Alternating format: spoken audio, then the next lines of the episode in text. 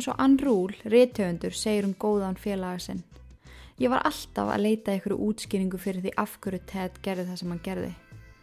En máli var, það var engin útskýring, engin fyrirbóði, því Ted var einn gáðasta og góðhjartaðasta manneskja sem ég þekkti. Þessi upplifin að Ted er ekki einróma. Fólk sem hefði kynstunum einhver tíman á lífsleginni hafði öll sömu sögu að segja. Hann var svo klár, hann var svo fyndin, hann var svo málefnilegur, hann var, hann var frábær. Hann var svo ótrúlega myndalegur. Ted var svo góðhjartaður. En það eru hins vegar aðra skoðanir á honum sem koma að handan. Roberta Kathleen Parks, Brenda Carol Ball, George Hawkins, Janice Ann Ott, Denise Marie, Margaret Baumann, Warren Elín, Susan Curtis, Lisa Levy, Kimberly Diane, Linda Ann Haley. Nöfnin sem að ég var að lesa upp eru fórnalömp Teds sem hafa svo allt aðra sögu að segja af þessum myndarlega og gáða manni. Hann var skrýmsli. Hann notaði mig. Hann heikaði ekki við að drepa. Hann var yllur. Hann var djöfull í mannsmynd.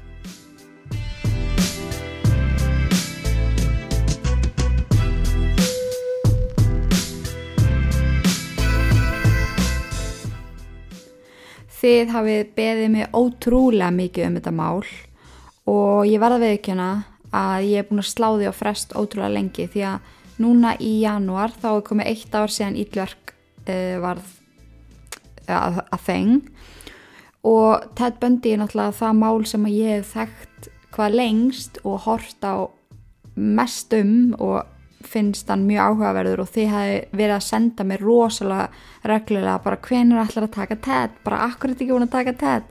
En ég veit ekki henni, ég er búin að forðast þetta ég er búin að forðast þetta mál. Því þetta er svo stórt, þetta er svo mikið og mm, það er svo margt sem að ég þarf að koma til skila. Þannig að uh, já, ég var bara pínur hrætt við að segja ykkur frá þessu og ég veit líka að það er til svo ótrúlega mikið efni. Það er líka til svo mikið að skiptum skoðunum um allt og hvernig sagan var. Þannig ákvað að jólagjöfin frá mér til ykkur væri fjögur að þátt að serja um Theodore Robert Bundy ég vona að þið verðið að lána með það.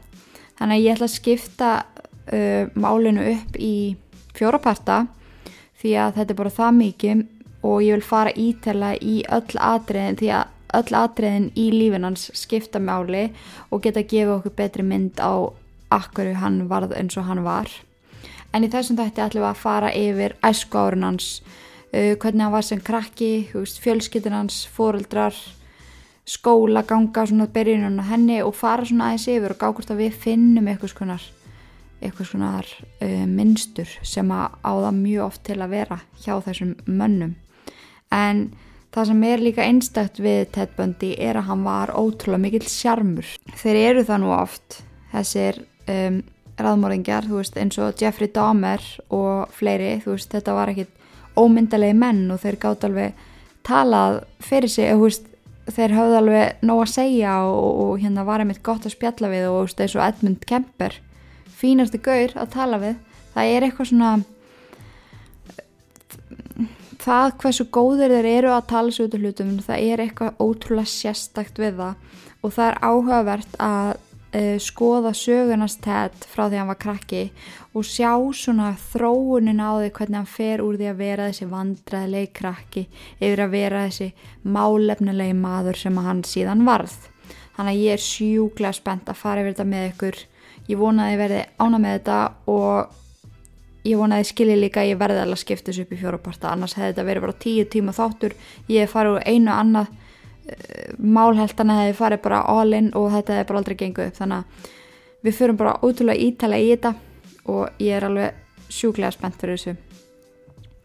Þannig ég sé ekki ástæðana fyrir því að við ættum ekki bara að byrja Lengsta intro sögunar er yfirstaðið, ég er orðin ótrúlega spennt að segja ykkur frá og málfræði mín er það lélega þegar öruglega farin að býta ykkur í núana.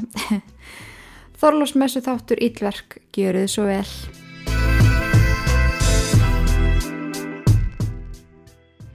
Hafið hlusta á Ted Bundy tapes á Netflix.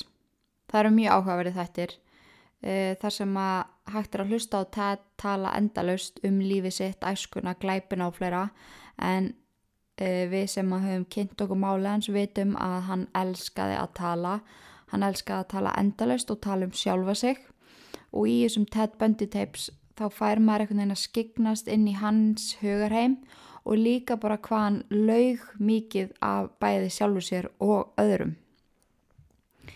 En, og hérna, en samkvæmt honum þá átti hann ekkert merkilega æsku. Það var ekkert, þú veist, þegar hann er spurður, þú veist, alveg svo, hérna, aðri svona gaurar sem eru spurður, bara hvernig æsku áttur þá voru bara, já, þú veist, ég átti drikkveldan föður, ég átti eh, þunglinda móður, lalalala, en hann er alltaf bara, nei, hún var bara mjög fín og veist, það var ekkert eitthvað sérstast að gera þetta. Þú veist, hún var ekki slæm, hún var ekki til fyrirmyndar, hún var bara svona venjuleg. En eftir nánari rannsökun á lífinans þá kemur annaði ljós. Uh, hann var ótrúlega félagsfælin og vandraðilegur ungu drengur og átti það til að fara yfir línuna og vera óviðegandi í tali og hegðun. En þrátt fyrir hegðunarmynstur hans og margt í hans fari sem sveipast til annara sem fóru ekki þá braut að vera nöðgarar og morðingjar, þú veist, það er fullt af krökkum sem haga sér vandrala og eru bara hálf skrítnir og verða ekkit endilega raðmorðingjar. Þá gefur æskan hans okkur pínu hugmyndum hvernig hann átti eftir að verða og svona, það eru aðri sem ég er að fara að segja ykkur það sem að þið verði svona ah, ok veist, þetta er að fara að spila hellinginni því að þegar maður hlustar bara á hann tala, þá, þá var ekki það, þá var bara allt fullkomið nema þegar það var búið að tala hann alveg í kaf þá fór að koma upp alls konar upplýsingar. En enn áttur það, var, það er svo áhugavert að fylgjast með honum ljúa að sjálfu sér. Alveg að mikið hann er að ljúa aðurum en Bundy, eða við skulum kalla hann Ted núna því að Bundy nafni kom ekki strax. En Ted var fættur þann 24. november 1946 uh, á svona uh, heimili fyrir einstæðar móður sem áttu engan að vákvæði mann akkurat ekki núna hvað þetta heitir en þetta var staðsett í Burlington í Vermont og mamma hans, Eleanor Louise Cowell var þarna 21 þegar hún áttan hún var alltaf kallið Louise og hún var ekki á neitt hátt tilbúin að eiga bann, hún ótaðist viðbröð fjölskyldunum sinnar, hvernig framtíðinar er þið eftir að hafa átt bann svona ung og þetta var bara eitthvað sem týðkæðist ekki, þú veist, þú hérna fannst þig kall, þú giftist honum og svo máttur þú fara að eiga börn, þú varst ekki að sofa hjá og eignast börn, það var bara ekki vel séð. Þannig að hún var bara sjúkla stressuð, hún veist ekki hvað hún þetta að gera, hún fór á þetta heimili, var þannig í tvö mánuði eftir að barni fættist og var bara einhvern veginn að finna út úr hvað var best að gera. En síðan loksins þegar pappinar, uh, Sam Cowell, hefur samband við hann eða veist, finnur út hvað hún er að því að hún alltaf bara fór svona ungi burtu frá fólkdur sinum og þau vissi ekkit hvað hún var þannig að hann reyndi einhvern veginn að koma staði í.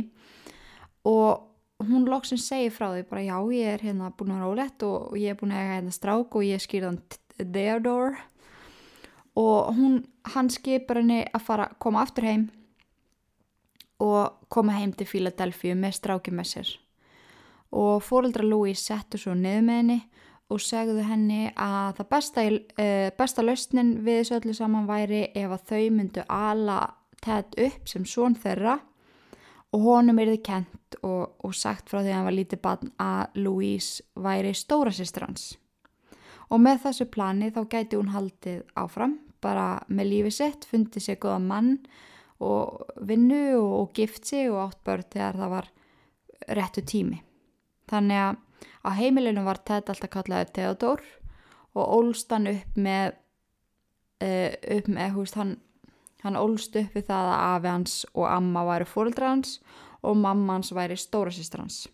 Frá því að hann var agnarsmár, veist, það, var, það var ekki fyrir hann að þryggjara sem að, að mammans tekur hann aftur til sín, þá man hann eftir því svona mjög hérna óskýrt hvað hann tengdist henni ótrúlega mikið, þú veist, hún var alltaf að passa upp á hann, hún fætt hann og klætt hann og greitt hann og þreif hann, kannski eitthvað svona meira heldur en sýstir myndi gera fyrir bróðu sinn, allavega hann, þú veist, hann segir allavega hann að setna meir, það hafa hann um alltaf grunað að hún væri mammans þótt hann að vera svona ungur.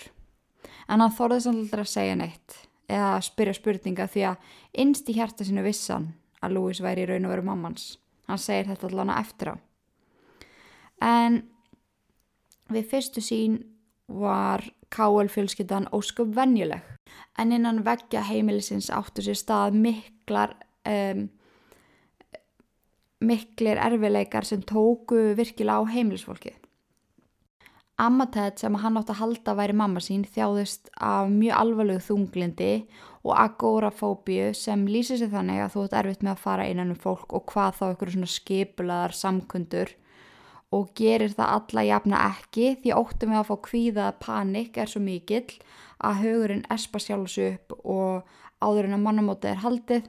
Þannig að þú einhvern veginn eigðir öllum döguninu bara í herbyggja kvíða fyrir ykkur sem þú fer svo ekki að endanum á. Þannig að þetta er svona alveg beyond félagsfælinu sko þannig að hún var mjög mikið bara inn í herbyggi bara heima, húst fór ekkert mikið út borða ekki mikið og var bara inn í dimmu herbyggi og passaði þurra lítið sem ekkert að fara út. Og það hjálpaði ekki heimilislífinu að Avitet eða fadur hans eins og hann átt að kalla hann bjó yfir alveg gríðala erfiðu skapi.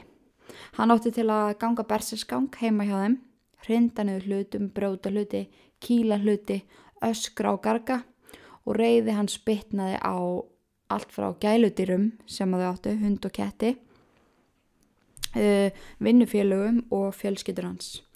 Og hann fekk ekki bara þetta reyðiskast sem að við sáum fyrir okkur heldur reyfan stundu konunar upp í herbyggjum nöðgæði þeim í reyðiskasti en ég ætla að taka fram að þetta eru sögursagnir innan gæsalappa.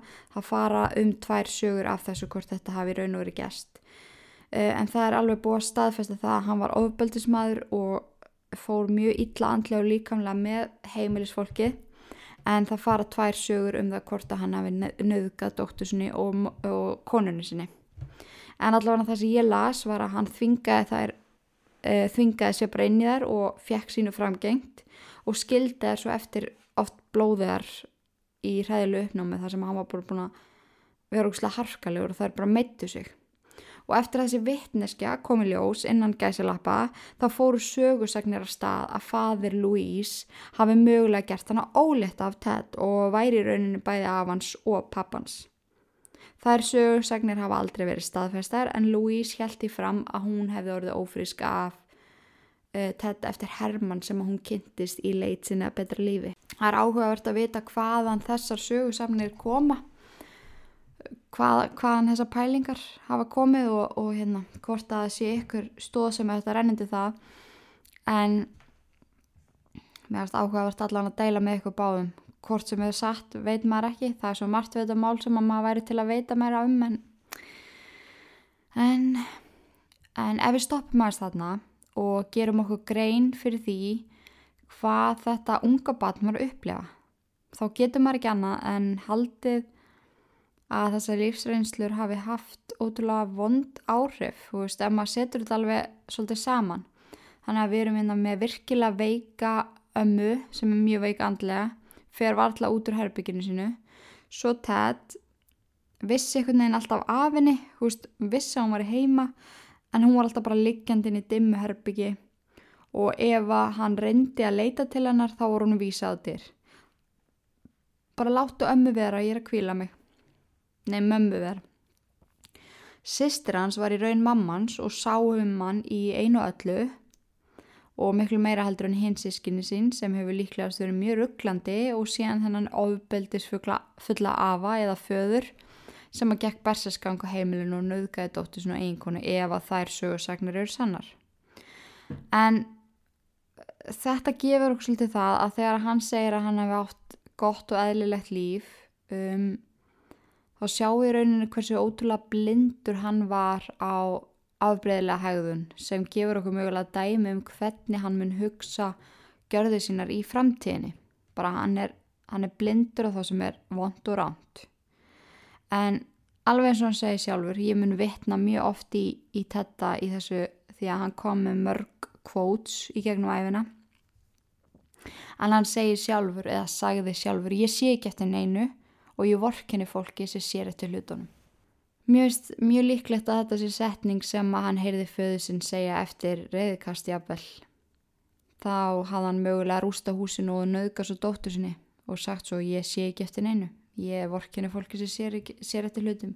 Og ég held að og margir aðrir halda að Ted hafi tekið ótrúlega margt um, af því sem hann læriði frá föðu sínum og gert það sín eigi að, að, að hann var í rauninni eini karlmaðurinn sem hann gæti litið upp til og það hefur brenglaðan á örglega marga vegur. En þegar Ted svo eh, óks úr grasi fóru áhuga mál hans og hegðun að verða svolítið undaleg. En ungur þá var þann alveg ótrúlega heitlar hnífum og við erum að tala um hann að var við erum að tala um að hann hefði verið þryggja fjögur ára þegar hann verður svona rosalega hrifin að hnífum og hvernig hnífum sem er skiptir engu. Og það er einn frængan sem að segir frá því í tímaritinu Vanity Fair mörgum árum eftir að þetta gerist allt saman að þetta hafi raða eldúsnýfum, dúkanýfum og veiðinýfum á kottenannar í kringum höfuðennar og meðan hún hérna svaf. Og þegar hún vaknaði þá blasti við henni litli frændinar alveg skellbrósandi sem náði valla upp í rúmið og allt út í nýfum sem var beindu allir í átta henni. Og hún hún getur alltaf líst í hversu ótrúlega undarleg húst, tilfinning þetta var, húst, þessi litli krútlegi krakki að gera þetta, húst, börn gera ofta eitthvað mjög skrítið.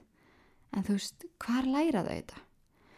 Og það kominu svo óvart að enginn sagði neitt. Engum öðrum á heimilinu fannst þetta skrítin hegðun hjá svona litlu barni en í sama tímariti svarar geðleiknirinn Dr. Dorothy Lewis greininni frá Frankutett og segir hún að samkvæmt hennaransóknum er það algengt hjá börnum hafa, eh, sem hafa upplifað andlet og líka með öðbeldi að taka sér svona ástfóstru við svona hluti og eru kannski bara að tauga veiklu og hrætt vegna þess að það er bara búið að gera svo margt, þau eru bara traumatized og, og þess að leitaðu í nýfa og sverð og alls konar svona, þú veist, maður hefur heilt börn taka sér ástfóstur við alls konar svona. En það er bara því þau vilja kunna á þessu vopn því að þau vilja geta varið sig. Og Ted hefur líklegast fundist hann órugur og á tímum hrættur inn á eigin heimili sem segir okkur það að það að læra á þess að nýfa og veita hvust þekkja á allir sundur og vera með þetta raða í raðaði mig kringu frængu sína sem var svo ótrúlega náinn honum að hann hefði vilja venda hana með að gera þetta svona. Þetta hefði verið eitthvað þannig pæling. Þetta var í rauninni ekki hann að vera eitthvað vondur lítill strákur. Þetta var bara strákur að gera það sem hann hjælt að væri best fattiði mig. Ted var svo rifin upp með rótum þegar hann var aðeins tryggja ára gamall. Louise ákvað að flytja frá fóröldri sinum með svon svon sinn slags bróðurinn og setja stað í Tacoma, Washington. Og þetta alveg virkilega erfitt með, þennan, með þetta rask. Hann saknaði fjölskyldunum sinna ótrúlega mikið. Hann átti náttúrulega bara að setja í herbyggi og dótið hans og bara var komin í ágættis rútínu þannig að hann greiðt oft í mömmu sinu um að vilja fara aftur heim. En það bætti svo ekki skák þegar mammans hitti Johnny Bundy sem var kokkur á spítala. Og þessi maður heitlaði hana algjörlega upp úr skónum. Hann var einhvern veginn allt sem hún hafi óskað sér, hann var góður hann var góð við Ted, hann var góð við hana veist, hann var með vinnu og hann var bara frábær að hennar sög, einsögn og hann byður hennar og þau gifta sig 1951 Ted tók þessu alveg verulega illa. Hann var ekki að fíla þetta. Hann þóldi ekki Johnny og hann öfundaði líka hvað hann fekk mikla aðtegli frá Louise, veist, hann var vanur að vera nummer 1, 2 og 3 um mömmu sinni og núna þurfti hann að deila aðteglinu með einhverjum kall sem hann þekkti ekki neitt. Ted tók út reyðina á fjöldaförnum stöðum til þess eins að gera mömmu sinna aðlægi, öskra og gargaði matur og vestlunum, lagðist á jörðin og sparkaði útlimunum sínum í allar áttir, pissaði á sig á almannafæri og let bara öllum yllum látum til þess að fá aðteglina sem honum fannst hann verðskulda. Hann sagði Johnny að hann hata hann og hann þurfti bara að fara í burstu.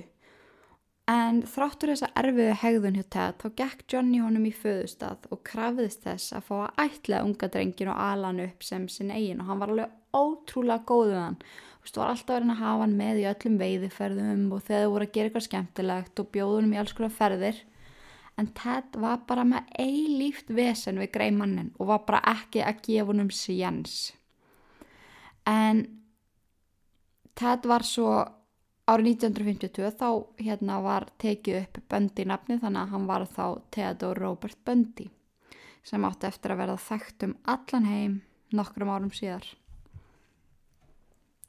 Samband Johnny og Ted var alltaf freka styrt. Johnny reyndi eins og hann gat að gera allt fyrir Ted svo að hann hefði það sem allra best. Ted reyndi eftir fremstu getu að byggja um allt og mikið svo að hann geti vísvitandi orði fyrir vonbröðum. Hann var efnishyggju seggur, ungur. Hann vildi dýrföt og hluti sem að stjúpapans átt ekki efni á. Ted let sér dreyma um að frægar og ríkar Hollywood stjörnur myndu byrtast og ætlaðan. Helst eða væri Roy Rogers eða Dale Evans. Þeir getur gefið honum allt sem hann óskaði sér. Með hverju árinu svo leið var þann leiðilegri og anstíkilegri við Johnny, kallaðan heimskan og fátekan. Vinitett urði oft vittni á honum augra stjúpföðu sínum það mikið að hann snappaði og hjólaði hann á móti. Þá leik Ted fórnalamp og klagaði mömmu sína sem trúði ekki sínum eigin augum að Johnny væri svona yllur við són sinn. Þetta var endalus ringrás og spennanir á heimilinu slaknaði einhvern veginn aldrei. Ted og Louise áttu alltaf ótrúlega gott samband. Hún passaði alltaf upp á það að vera andlega til staðar fyrir són sinn. Hlusta á hann þegar hann þurfti að tjá sig ásand því að passa upp á það að hann væri alltaf vel til fara í reynum og pressuðum fötum. Það reyndist henni þá erfitt með tíman þar sem hún egnaðist fjögur börti viðbútar með Johnny svo aðteklinn sem tettaði fengið algjörlega áskipta var allt í henni deilt niður á fimm. Á úlingsárunum fótt þetta forvittnast verulega um hver væri í raun og veru pappans eftir hann fann fæðingaváttorið sitt. En Ted var aldrei neitt líka mömmu sinni í hegðun njei útliti. Þannig að það var komið upp marga sögursagnir um hver var pappans en á þessu tímabili þá vissi það enginn um, af því að hún hefði sofið hann hjá okkur um nokkrum og ykkurum sem hún þekkt ekki, hún Louise en hann finnur hann að fæðinga vottur sitt og það var búið að fylla út í alla klukkuna nema það var búið að skrifa unknown þar sem að föðunafni átt að vera hann þóldi ekki að Louise gæti ekki gefa hann einn svör og hann fannst þetta í raun og veru bara skammalegt Þegar vinir hans reyndi að stappa í hans stálinu og fullvisa hann um að þetta skipti ekki neinu máli, þá á. Það ert ekki þú sem ert bastarður, fýbliðitt. Hún fannst hann í rauninni verða bara svona, hvað heitir þetta? Heitir þetta ekki bastard? Þegar maður er svona fættur fyrir utan hjónaband og veit ekki hvað pappi sinn er. Ég hef reynda verið kölluð bastarður ansi oft. Eða er það örverfi? Ég er ekki viss. En hann, hún fannst þetta allavega svona vandralegt, þú veist, eins og þetta væri útrúlega mikið skömm að veit ekki hver pappi sinn væri og veit ekki hver ætti 50% í genónum hans. Þannig að hann fer þannig á alinn að reyna að finna útrússu og spyr mömmu sinna spjörunum úr sem að er kannski ekki endilega tilbúin að vera að gefa hann um eitthvað svör sem að hún veit ekki sjálf. Hann var því raunin alveg heldtekin að þessu. En þegar Ted var yngri þá átti hann nokkra goða vini en yfir höfuð náðan ekki til margra jafnaldra sinna. Hann átti ótrúlega erfitt með mannlega samskipti í rauninni og þetta spjall sem við þekkjum öll, þetta chit-chat svona eitthvað, hei hvað er að frétta? Hann, hann kunnið þetta ekki. En þetta er nú annað sem maður þekkir á honum í dag eða það sem maður hefur lært um hann í dag og hann er ótrúlega mikill sjarmur og áðvöld með að tala og tala sér út úr öllum aðstæðum og einni inn í allar aðstæður en þegar hann var yngri þá var hann ótrúlega mikið stríkt fyrir það að vera þessi vandræðilegi krakki sem var bara eitthvað vissi ekkert hvað hann átt að segja. Hann er, ég tengi útrúlega mikið því að ég er svona þegar ég er að chit-chat á fólk. Þú veist þegar ég hitt eitthvað sem ég kannast við og, og maður á svona koma og já hæ, hvað segiru þá, þá spyr ég bara já hvað hva er uppáhalds bröðtegundiðinn ég var auðvitað mjög svipað hann vandræðilegu krakki. En ég er enda bara vandræðilegur höfuð en ég en allavega þá þá var hann líka, hann var náttúrulega alin upp hann og hérna af hans og amma kendur hann mútulega mikið að tala þannig að hann var alltaf rosalega formlegur í tali bara frá því að hann var krakki. Þið viti hvernig Ted Bundy talar. Uh, du, du, du, hann er svona formlegur hann er með góðan orðaforða og hann talar í rauninni svo eldgamalt kall og það fjall, fjall bara alls ekki í kramið hjá jafnöldrumann sem fannst þetta bara fárlegt þannig að þau getur rétt ímyndað eitthvað kannski nýjára krakka sem er geðveitt formlegur og geð góðan orðaforða það er bara fyndið. En já. En til þess að falla inn og komast inn í eitthvað svona félagshóp í skólum og þannig þá reyndi hann að taka þátt í öllu félagslífi og íþróttum, hann reyndi eins og hann gat.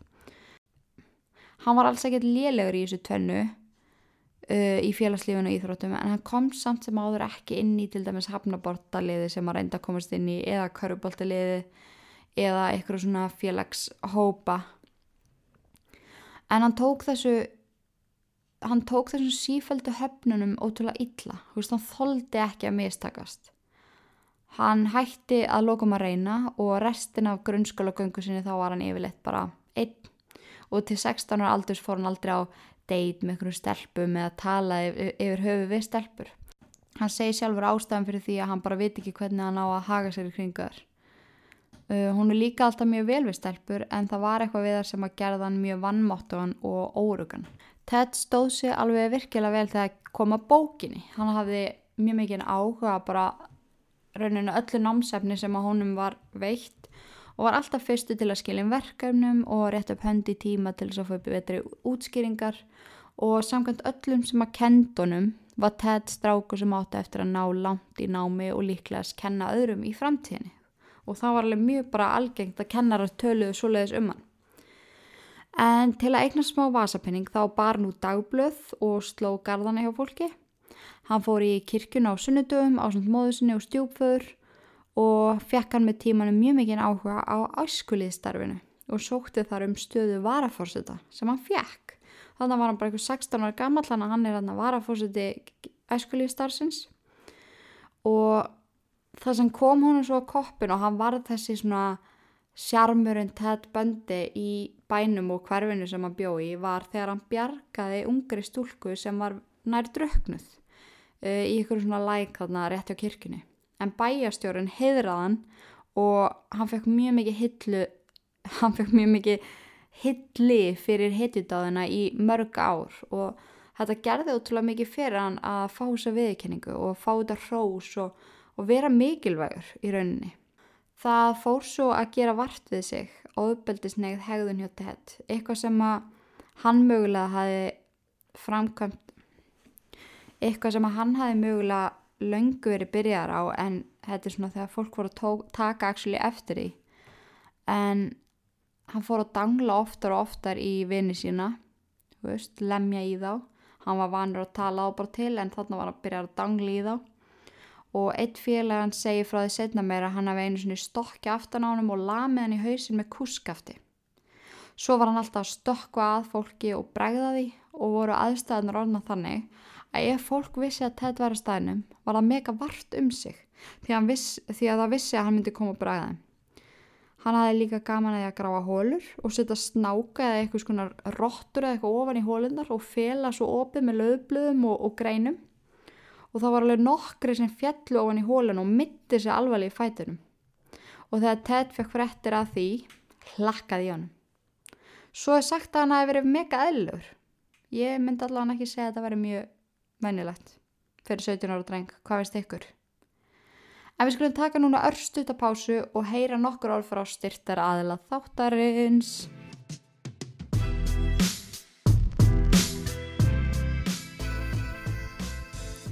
Árið 2020 er alveg að renni garð og sælir hvaða spennandi.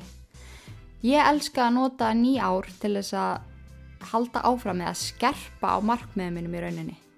Ég reyni að halda markmiðum mínum alltaf gangandi yfir allt árið en mér er skaman að byrja vikur og byrja ár með svona emitt að skerpa markmiðin og finna betur út hvað mér langar að gera betur og alls konar svo leiðis. En mér langar að deila með ykkur uh, eh, línbóti pakkanum sem að ég fekk að búa til sem heitir pakkin hennar Ingo Kristjáns sem er með öllum þeim vörun sem að ég nota daglega frá þeim og hafa hjálpað mér ótrúlega mikið að ná mínum líkamlega árangri en fyrir tveim árum var ég 89 kíló. Í dag er ég í kjörþyngd og ég þakka þeim ótrúlega mikið fyrir þessum, uh, ég fekk svo ótrúlega fagmannlega aðstóð og þetta er bara svo frábært fólk sem á línbóti og mér langaði bara að mæla með því að þau kíktu á þennan pakka því að þeir eru ofta að spurja mig hvað mælur með, þú veist hvað finnst ég best?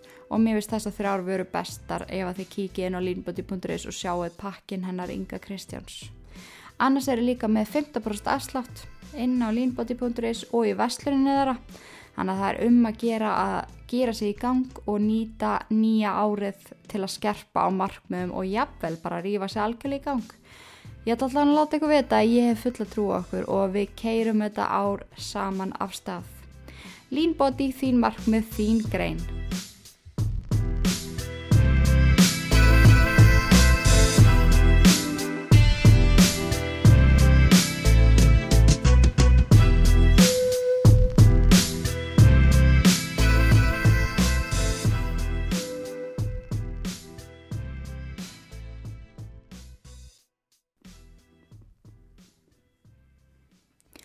Velkomin tilbaka.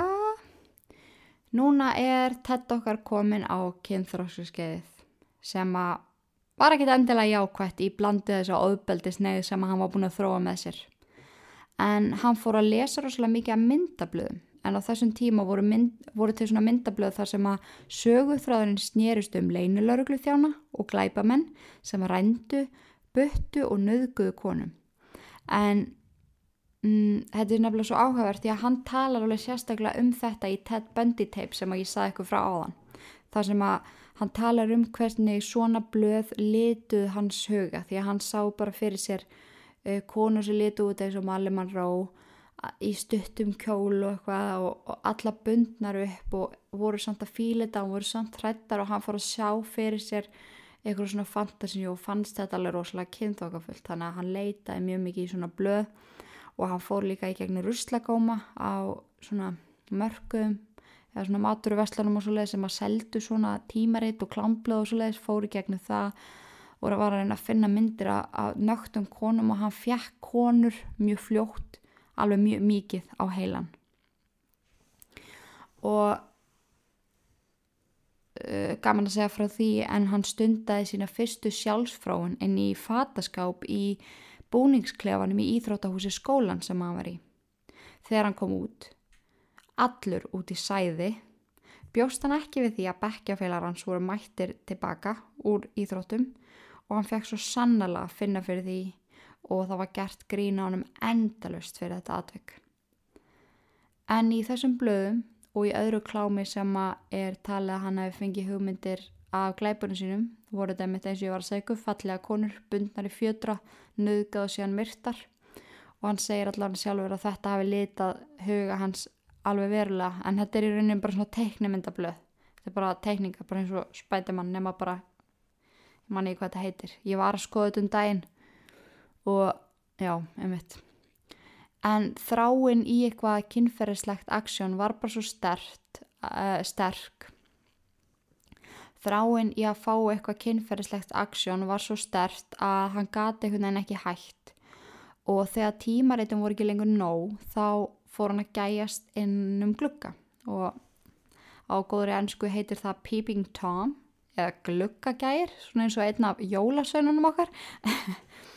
En hann kom staði hvar sætustu stelpunar í skólanum byggu og lættist að heimilið þeirra að nætulegi kom sér vel fyrir það sem enginn sá og beigð eftir að sjá eitthvað spennandi.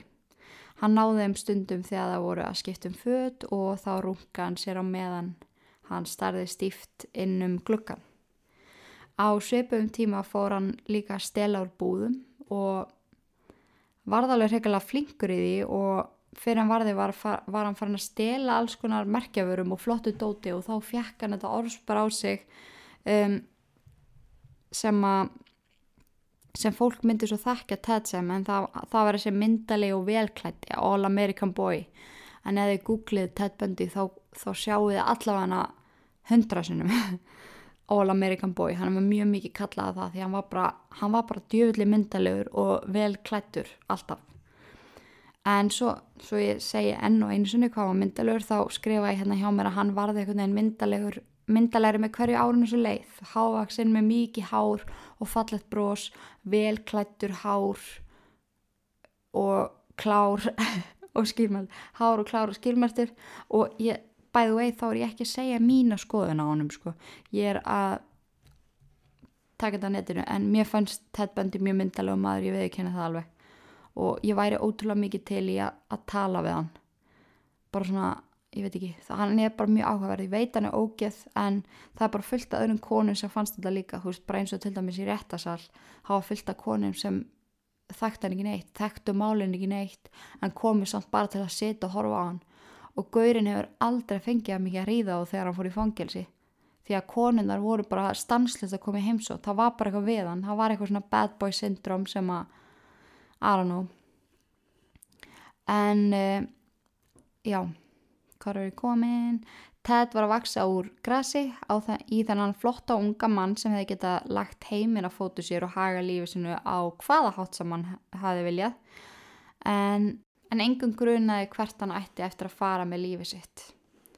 Í staðin fyrir að nota allt sem hann hafði til brunns að bera í eitthvað jákvætt til að fleita sér áfram í lífinu þá nota hann það til að ráðskast með fólk aðlastelpur og fjekk þar til að gera allt sem hann vildi að þær gerðu Það er talið að fyrsta morðið sem að Ted framdi hafi verið 1974 en hugsanlega myrti hann áttar og stelpu laungu fyrr en Ann-Marie Burr sem á dreipin 1974. En það var sérst ung stelpa sem að kvarfa heimilin sínu um miðjanótt í ágúst 1961.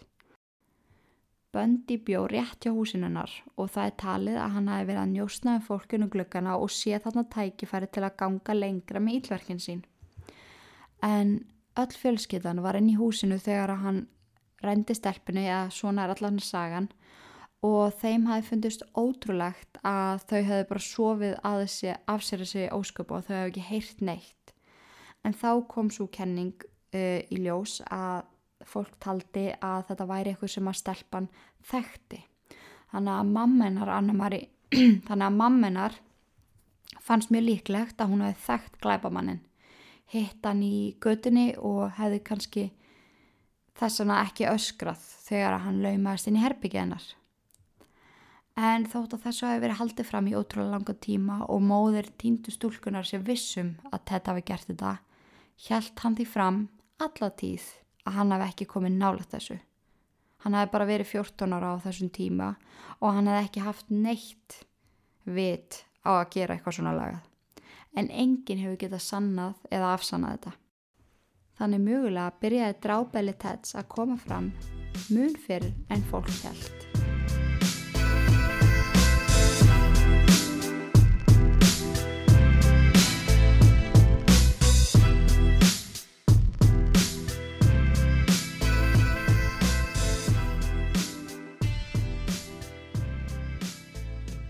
Í næsta þætti ætlum við að fara yfir háskólagöngu TED, ástasambönd og pólitískan feril hans.